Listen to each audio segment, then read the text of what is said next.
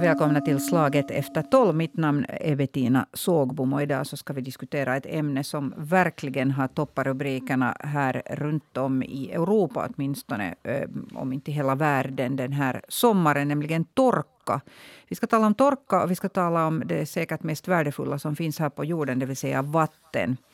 Eh, vi har sett bilder av totalt torra eh, floder, eh, sådana som vi verkligen inte är vana att se helt, helt torra. Bland annat floden Seine i, som löper alltså genom Frankrike. Och så har vi sett till exempel också krigstida skeppsvrak eller båtvrak som har torrlagts och kommit fram e-, efter att ha legat under vatten i, i tiotals år.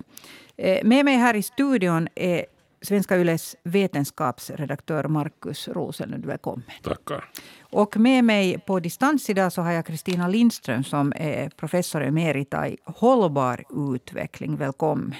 Tack så mycket. Ja, eh, va, först börja med dig Kristina Lindström. Har du någonsin eh, sett något liknande som det, det som vi har sett nu i sommar, de här bilderna? Eh, av Nej. Nej, det har jag nog, det har jag nog inte. Nej. Det finns vissa sådana klassiska exempel på när människans aktivitet har småningom torrlagt sjöar, till exempel Aralsjön som finns i Uzbekistan och Kaz mm. Kazakstan. Men, men att det har hänt på det här sättet på många ställen och så är häftigt överallt, så nej, det har jag inte sett. Mm.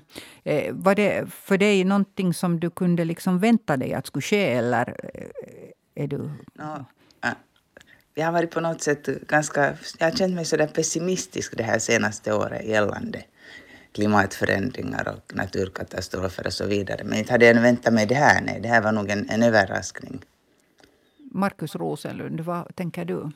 No, det är ju det, är det som är så oroväckande, att alla de här grejerna som vi nu ser hända, och, och det här är ett mönster som upprepar sig hela tiden. Vi får, hela tiden är det någon forskare som som konstaterar att ja, det här hade vi nog inte eh, väntat mm. oss att skulle ske så här fort, att det här skulle enligt vår tidtabell så skulle det här ske typ om 30 år, men nu sker det redan nu.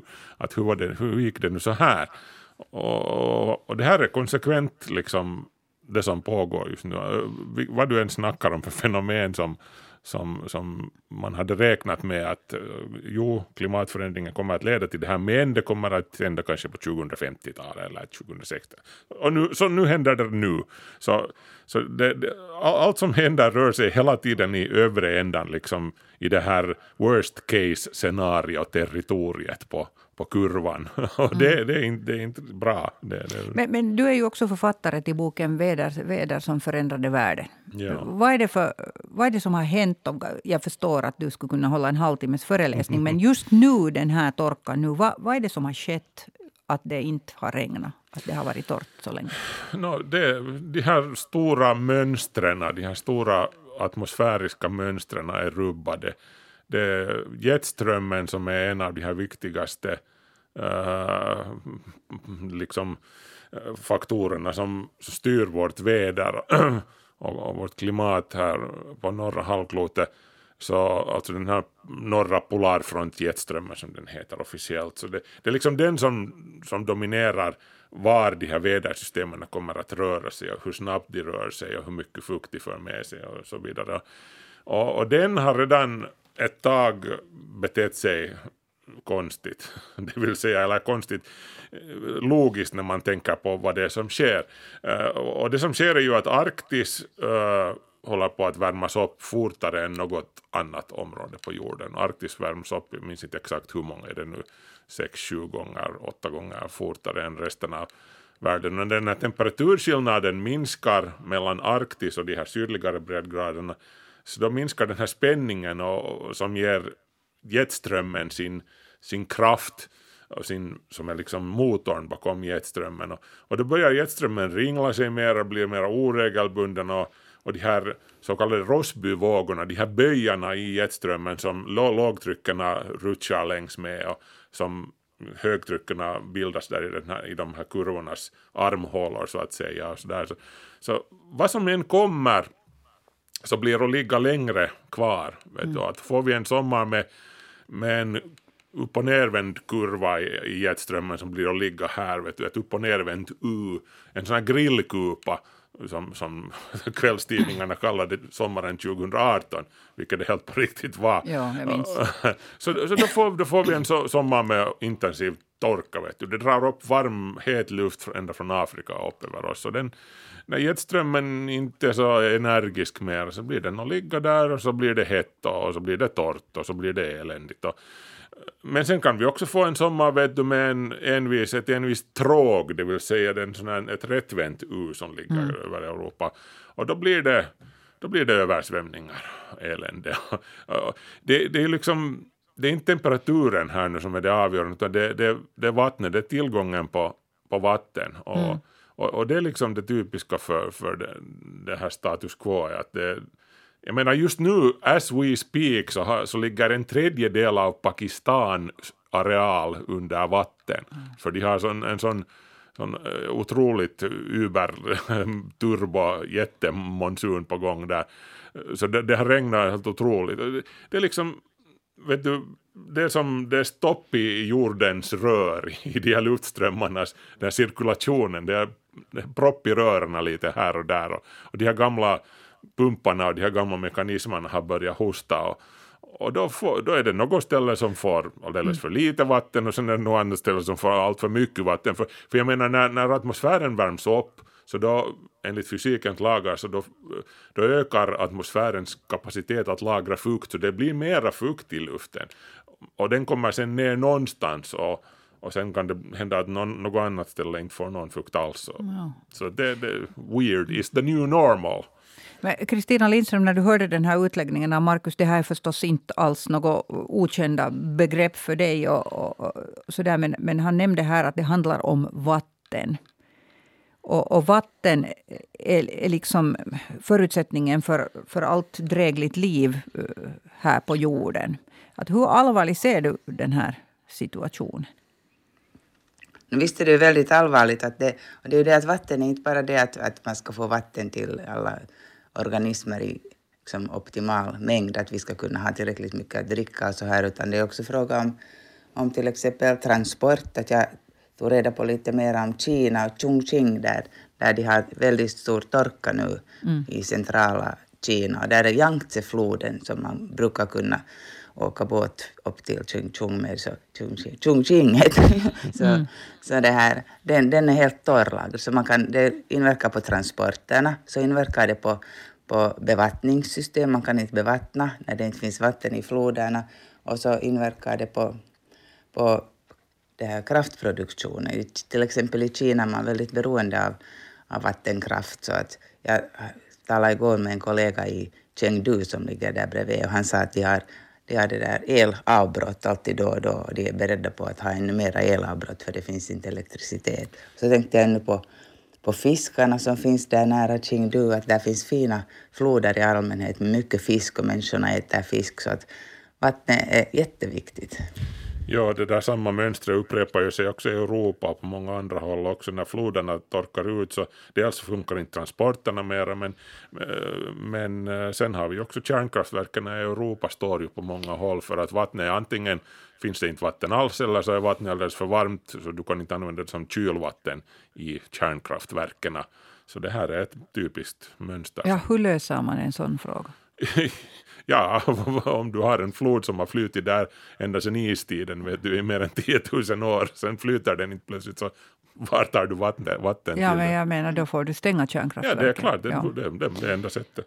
Ja, eh, sen är ju vatten är ju det som man ofta hör sägas att, att det nästa eh, stora kriget kommer att... Jag, jag ogillar att ta ordet världskrig i min mun, men att, att det är det som brukar sägas att kommer att utkämpas om vatten. Och, och, det där, eh, man kan ju förstå det för att, att när, när allting rubbas på det här sättet så blir människor också irriterade och ilskna. Priserna stiger och, och leder till oroligheter. Eh, och det har vi sett vissa tecken på nu runt om i världen redan. Men, men det där, eh, om vi tittar på den här hela mekanismen som du har startat det här. Så, så, hur ser ni det? Hur ser du Kristina Lindström? Finns det något sätt att, att backa den här utvecklingen eller att lösa det här problemet nu, ännu?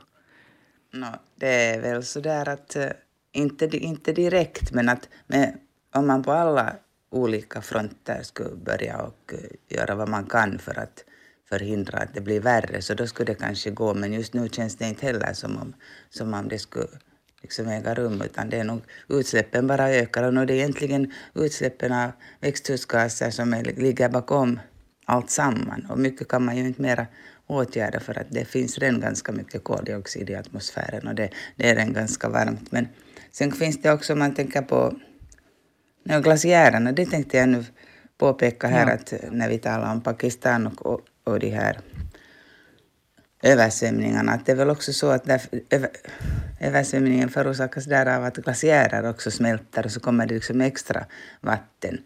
Och det, där, det är liksom någonting som också reglerar vattentillförseln i många länder och i många regioner som, som gör att det blir bara, bara värre. Men kan vi ju heller stoppa smältningen av glaciärerna på annat sätt än att minska på, på utsläppen eller försöka liksom stoppa ökningen av, av utsläpp.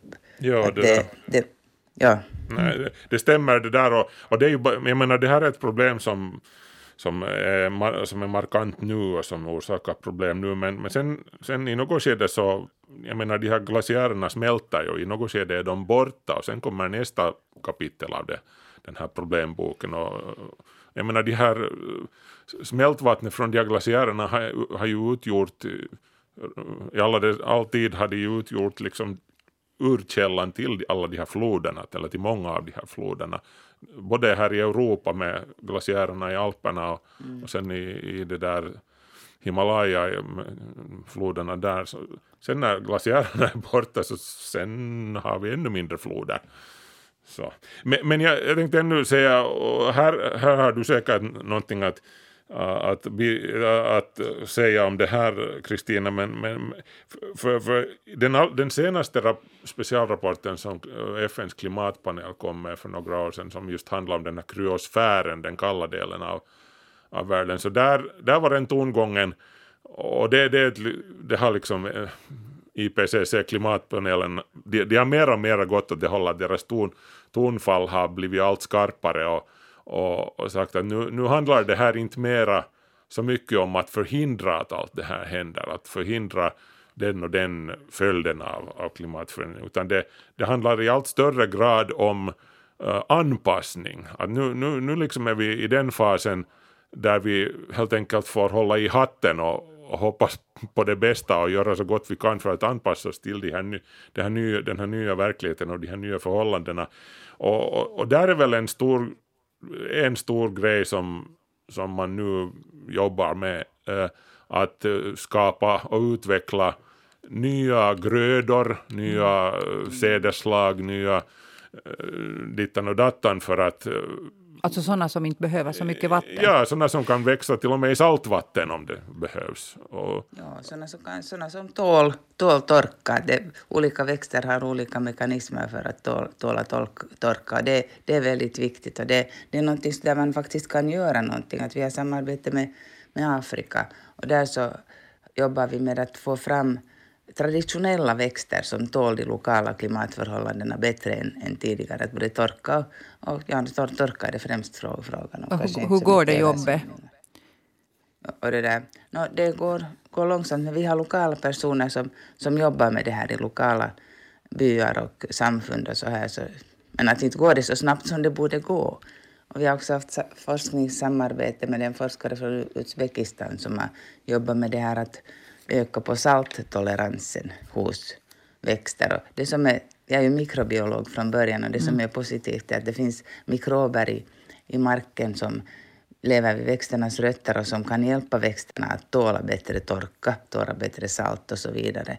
Och när jag har jobbat med baljväxter och kvävefixering så finns det bakterier som, som är bra på att binda kväve från luften också under torra förhållanden i, i åkern. Att vi har resultat från Etiopien när vi hade försök där som, och det råkade bli ett torrt år så då fick vi bevisat att det är bättre att använda de här bakterierna än att, än att använda konstgödsel, syntetisk kväve, kvävegödsel för att de ska klara sig.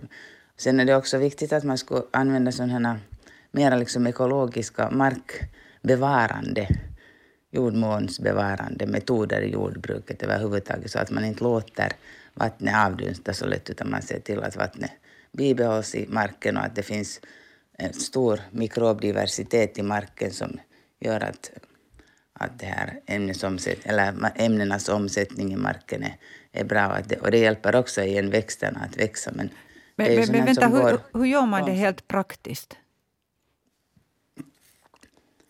Helt praktiskt så man kan till exempel om vi tar de här bakterierna som binder kväve så, så då, de kan man köpa i butiken mm. okay. och ympa in på, på baljväxterna. Sen är det, är det nog, det heter på engelska conservation agriculture som man har tillämpat i många länder ganska länge. Och det är det att man, istället för att ta bort allt från åkern så lämnar man kvar blasten eller mm. halmen eller så och ligga kvar på marken för att på det sättet bibehålla fukten och också näringsämnen i marken. Så det, det finns metoder som, som också används.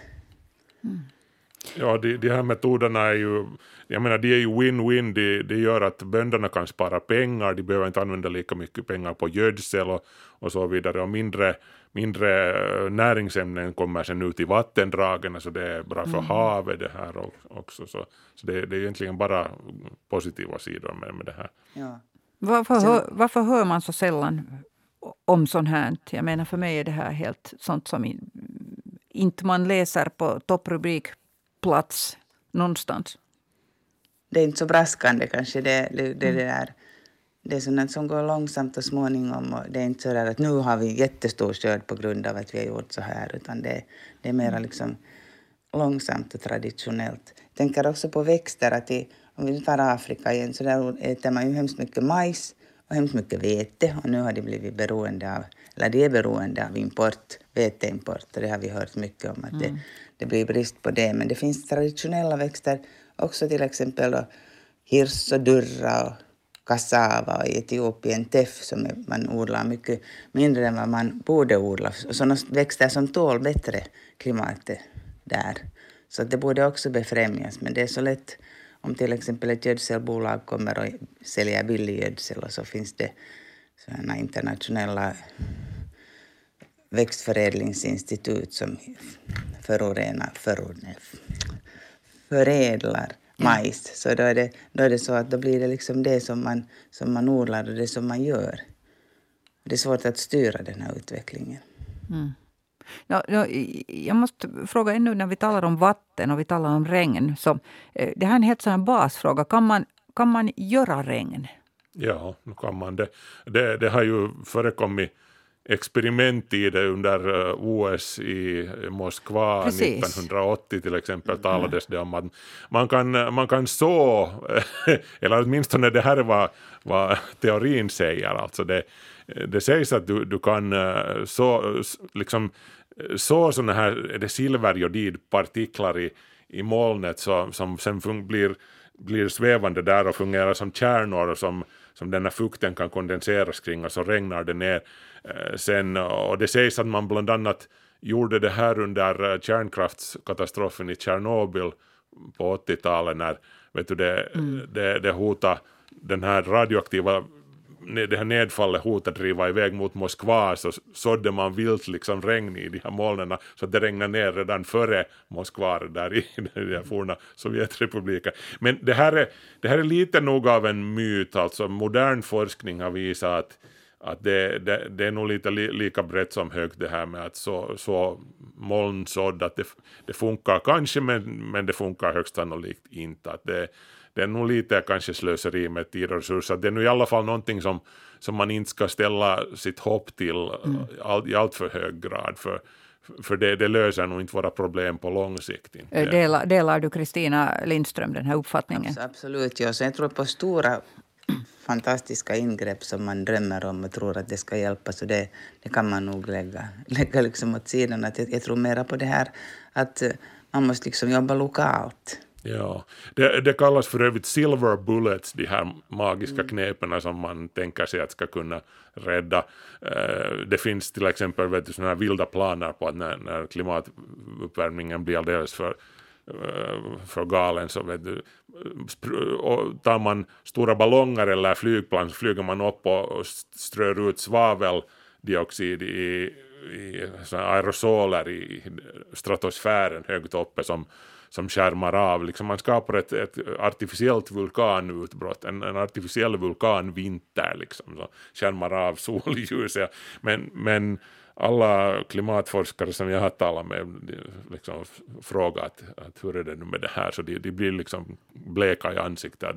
Vad ni än gör så, så det, det där är liksom där plan Ö som ni, som ni inte tar till om, utom om, om ni är riktigt, riktigt desperata. För, för du, när du börjar med den här sortens geoengineering, eh, vad det nu heter på svenska, men, men vet du, när, du, när du börjar rodda med med de här stora drivmotorerna i klimatet så, så kan du, vet du, du kan Okej, okay, du kan få det kanske att regna någonstans eller du kan få det att bli lite svalare någonstans men sen kan det hända att du, vet, du styr om hela monsunbältet så att i, hela Indien blir utan regn över helt och hållet och så är plötsligt två miljarder människor och mm. hungrar.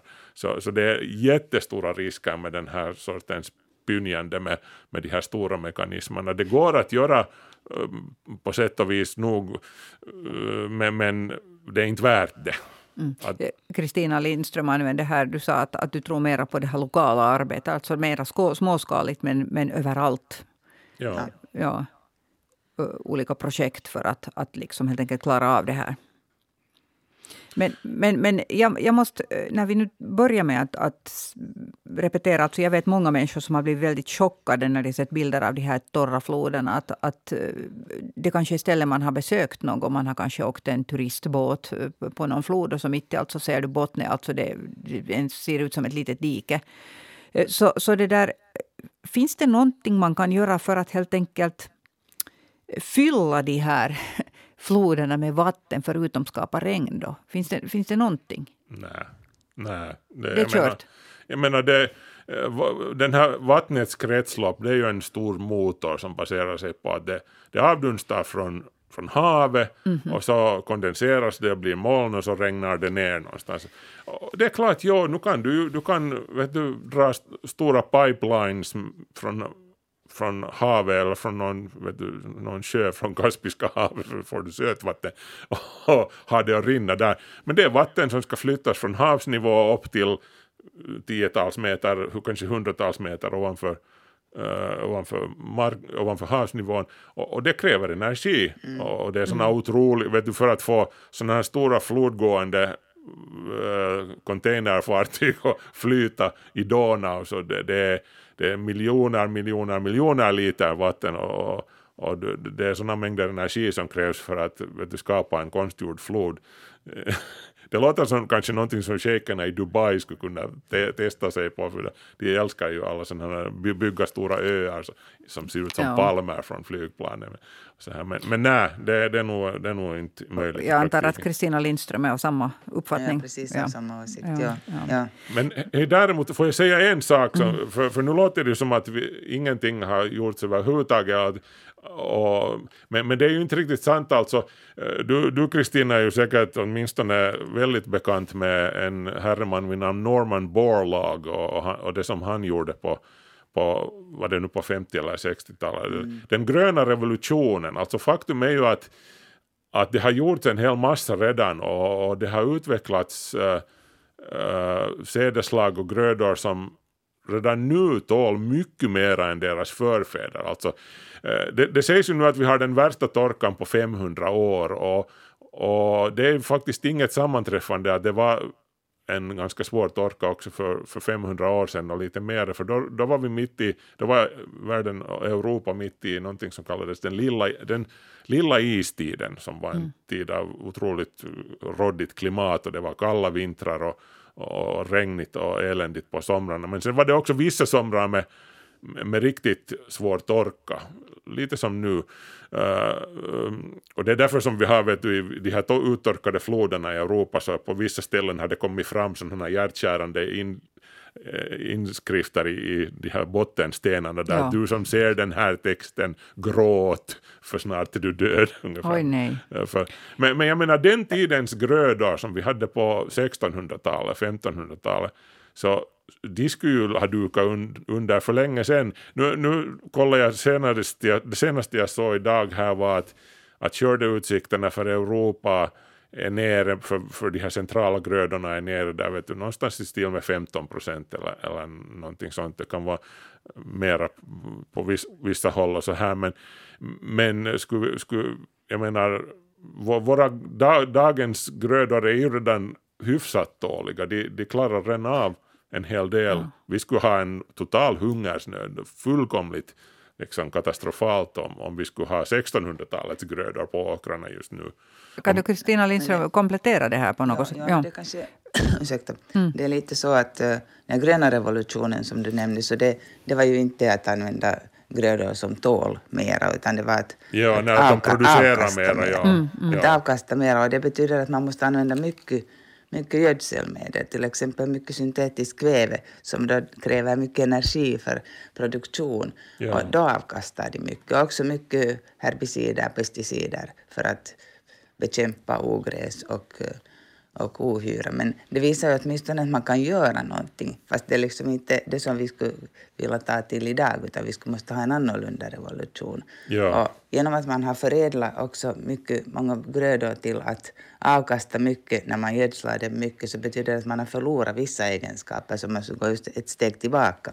Och det där, se vad det finns. Vi har till exempel nu i Finland har vi ju spältvete, urvete, mm. sådana gamla vetesorter som avkastar mindre men som är mera näringshaltiga än, än de gamla. Så att man kunde säkert hitta äldre sorter och äldre växtslag som, som är bättre på att, att fortsätta att utveckla för Eller, de förhållanden ja. som kommer. Eller ympa in vissa gener från de här gamla, liksom Ja. Gentekniken mm. är ju ett nyttigt redskap. Men en sak som ingen av er har nämnt så det är ju den här eh, frågan som lyfts fram ständigt och det är det att, att, att en väldigt stor del av det som vi odlar så går ju åt till att, att vi matar djur med som vi sen, också vattnet, eh, en stor del går åt till det. Ja.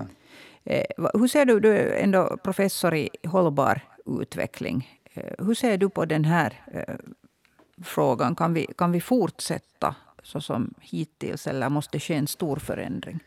Nej, alltså vi, vi som forskar med eh, i baljväxter och försöker befrämja det att människorna skulle äta mera växtprotein och så här, så det är ju, det, man gråter ju nästan när, när det, här, det, flest, det mesta av, all, av baljväxter som odlas, baljväxter mm. som odlas går till djurfoder. Och då går det ju som du säger att det går en massa vatten till det också. Att det, där måste vi också ställa om, att vi måste ställa om, om egentligen vår egen diet så att vi inte äter så mycket av de här djuren som har producerats genom att till exempel man har matat dem med, med soja från Brasilien där man först har fällt regnskogen och sen, och sen det här odla, odla soja.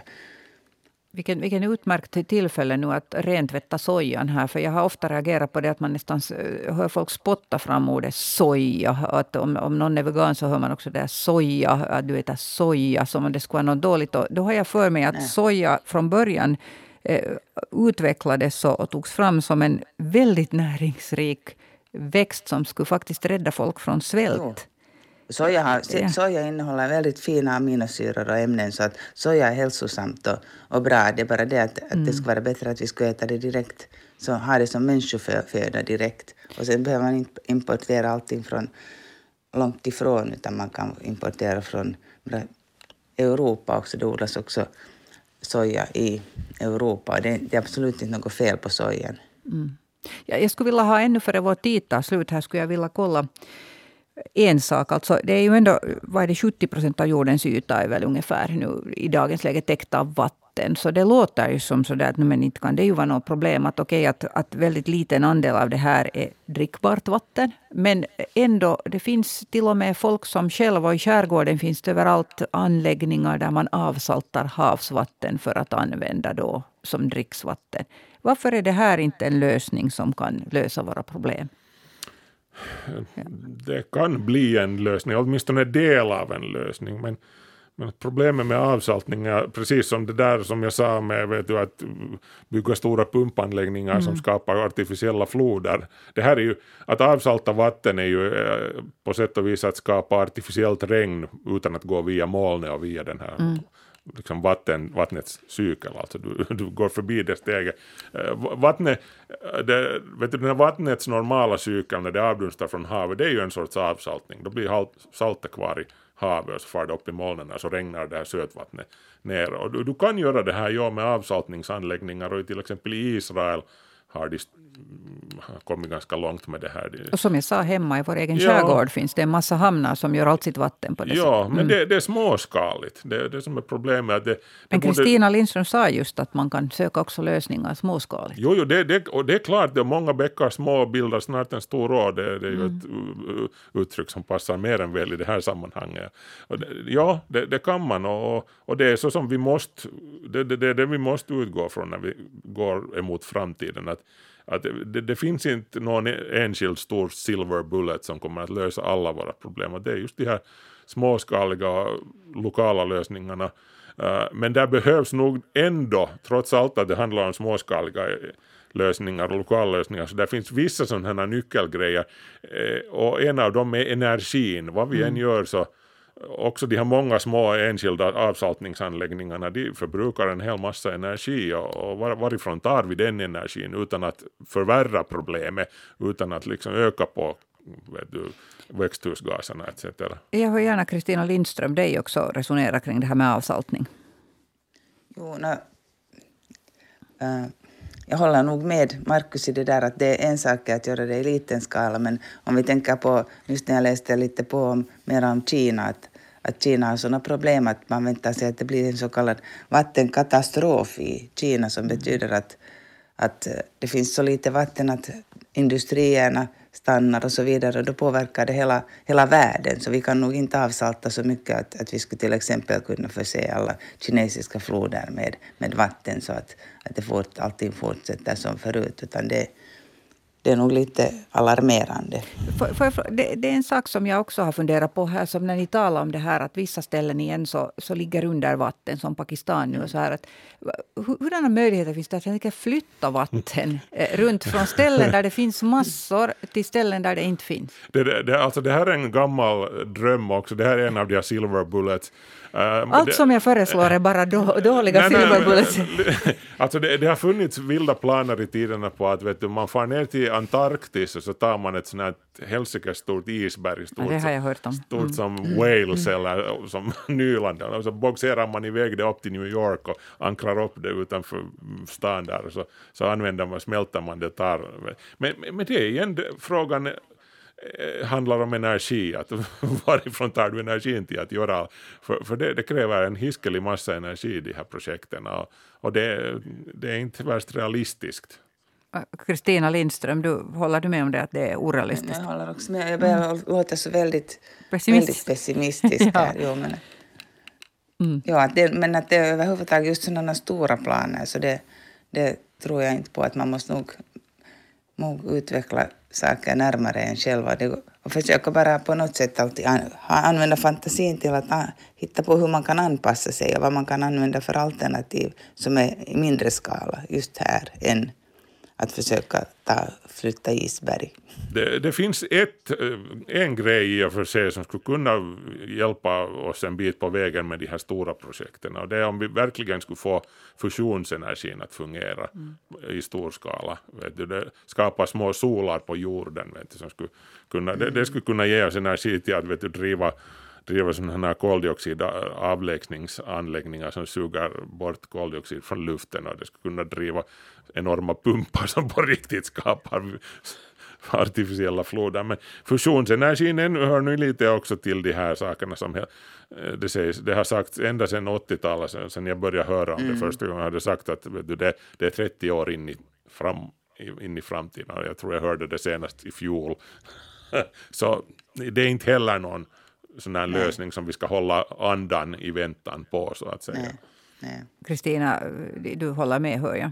Ja, jag håller helt ja. med. Och så mm. tycker jag inte heller om det här nu när politikerna plötsligt liksom framhäver att men vi, kan, vi får just, kan ju ta små, små lokala kärnkraftverk och producera energi med och då löser vi igen alla energiproblem. Att det, det är igen att liksom ta till någonting som egentligen inte ännu finns. Att vi måste bara försöka se vad det finns och göra vårt bästa när vi, av det. Ja, vi nu talar om vatten och vi talar om torka. Så avslutningsvis, här finns bara någon minut kvar, skulle jag fråga att ska vi spara själva vatten här i Finland? Hjälper det världens läge det att vi själva använder mindre vatten? Vi ska leva smart tycker jag. Mm. Inte ska man ju göra av med mer än vad man behöver, vad det än handlar om. Jag menar mm. också att flytta vattnet från, vet du, från pajenne till, till vår badrumskran, det, det kostar ju och det kräver energi och det kräver rening och sånt här. Så varför ska man i onödan duscha om man kan ta en lite kortare dusch? Vilket råd skulle hållbarhetsprofessorn eh, i hållbar utveckling ge när det gäller just vattenanvändning till, till helt vanliga medborgare? Det, alltså det här lät bra, det här med att mm. leva, leva smart. För att det är just det vi måste göra på, på alla fronter. Vara mer återhållsamma med slö, inte slösa i onödan och tänka, tänka på lite bättre hur vi lever, hur vi producerar, hur vi konsumerar. Det är nu det som, som vi kan göra här. Men sen vill jag ännu tillfoga en sak som jag glömde här tidigare när det gäller just världen. Så det är det att, att det kan ju vara torka någonstans och det är inte bra. Men sen kommer det regn. Men så kommer regnet på fel, ställ, på fel tid och så kommer det häftigt och så sköljer det bort marken och så hjälper det inte alls jordbruket därför för att jord, det borde ha kommit mycket tidigare om det skulle liksom hjälpa, hjälpa jordbruket. Och det är också någonting som håller på att hända, det att det regnar, när det regnar så regnar det för häftigt och det regnar i fel tid. Och sådana, sådana problem har vi haft i, i Sydsudan till exempel, som borde vara Afrikas kornbord. Så där har de haft mycket problem med, med torka och med, med det här översvämningar för att det regnar på fel tid och folk får sen åka båt istället för att gå på vägarna. Så det här kan, har ingenting direkt med oss att göra förutom att kanske det att, att vi också ska tänka på andra människor i världen och inte bara på oss själva. Mm. Tack ska ni ha båda två för den här diskussionen om torka och om vatten Eh, det mest värdefulla vätskan som, som, som, förutsättning för allt liv här på jorden. Kristina Lindström är professor emerita i hållbar utveckling och Markus Rosenlund vetenskapsredaktör. Eh, tack för den här diskussionen. Mitt namn är Bettina Sågbom och eh, en ny debatt imorgon samma tid och samma kanal.